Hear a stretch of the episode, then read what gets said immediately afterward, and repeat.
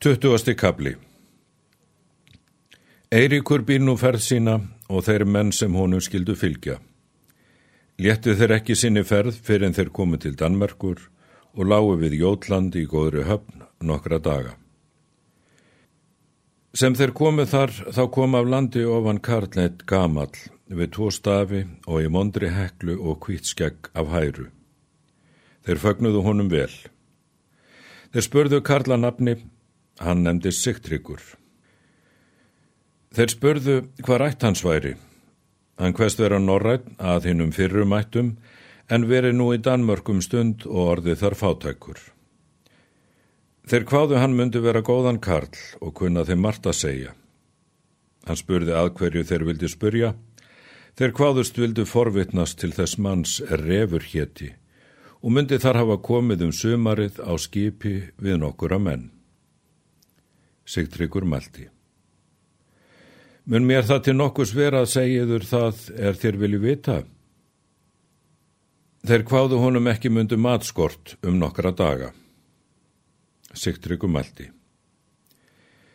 Ekki mun ég þetta til matarins gera að segjaður til refs, því að ég veit af umræði manna að þér munu sitja um líf hans.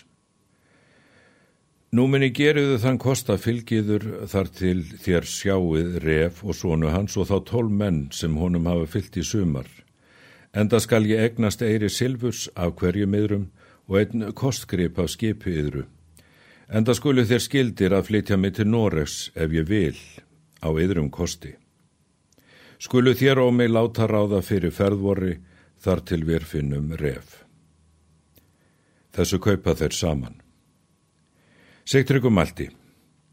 Nú skulum við taka tjöld af skipi voru þegar í stað og róa fram um nesið. Þeir gerðu svo og lagðu þar að landi.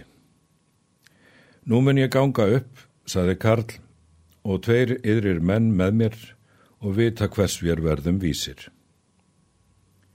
Þeir gerðu nú svo, var þar skóur nær, og er þeir komið skamt í skógin, hlupu þar að þeim menn með vopnum voru það sínir refs og þeir tól saman.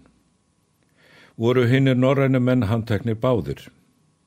Sigtryggur kastar þá tötrunum og svo skegginu.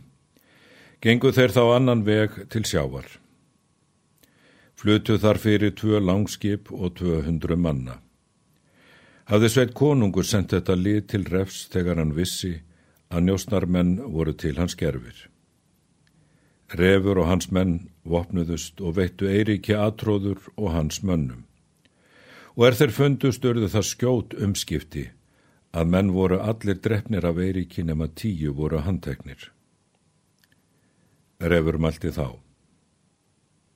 Nú er svo komið Eiríkur að hér er komin siktryggur félagi þinn og kaupunautur er þú fannst í gerkveld. Hef ég nú end það er ég hér þér að nú máttus hér sjá ref og sónu hans. Nú að því að ég draf bróður þinn, þá vil ég nú gefa þér líf ef þú vilt sverja það að setja aldrei um líf mitt neð svona minna. Skaltu á segja Haraldi konungi allt til sanna um vort fund. Seg honum og að nú hef ég launa honum nokkuru fjörra á þau er hann lagði til með þeim mönnum er líf mitt vildu hafa. En Haraldi konungi munu ekki auðið verða að láta drepa mig. Skal honum sá einn óþarfari í Danmörk en ég er meira má. Eftir það sór Eiríkur eða þessa. Refur fekk þá Eirík í tólværingeinn og þar með þá hluti sem hann þurfti að hafa að nöðsinjum. Refur tók til sín langskip það er þeir höfðu þangað haft og farði sveini konungi. Lofaði konungur mjög tiltæki refs hvað þau vera bæði harmanleg og drengileg. Skaltu nú og þetta nafn hafa, saði sveit konungur, hér í ríki voru, að heita sigtryggur því að hitt er hér fánend. En að nafnfesti viljum við að gefa þér gullring þennan er stendur mörg.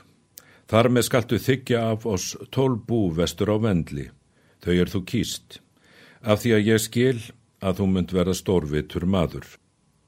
Refur þakkaði konungi með fagrum orðum höfðinglegar gafir og alla þá sæmd er hann veitti honum. Refur fór nú til búa sinna er konungur hafði gefið honum og Helga kona hans og Þormóður svon þeirra. Gerðist Sigtryggur þar yfir mesta stórmenni.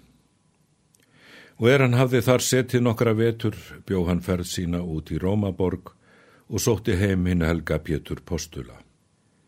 Og í ferð þeirri fekk Sigtryggur sótt þá er hann leiti til bana og er hann jarðaður á ríku munkaklaustri út í Fraklandi.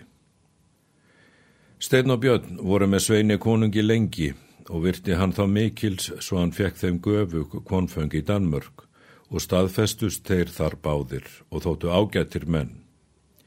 Frá Steini er komin Absalon erkibiskup er varum daga Valdimars konungs Knútssonar. Þormóður Són Refs fór til Íslands eftir fall Haralds konungs og tók við landi á Kvennabrekku og kventist á Íslandi og er margt göfugra manna frá honum komið. Lúkum við þar Krókarefsögu.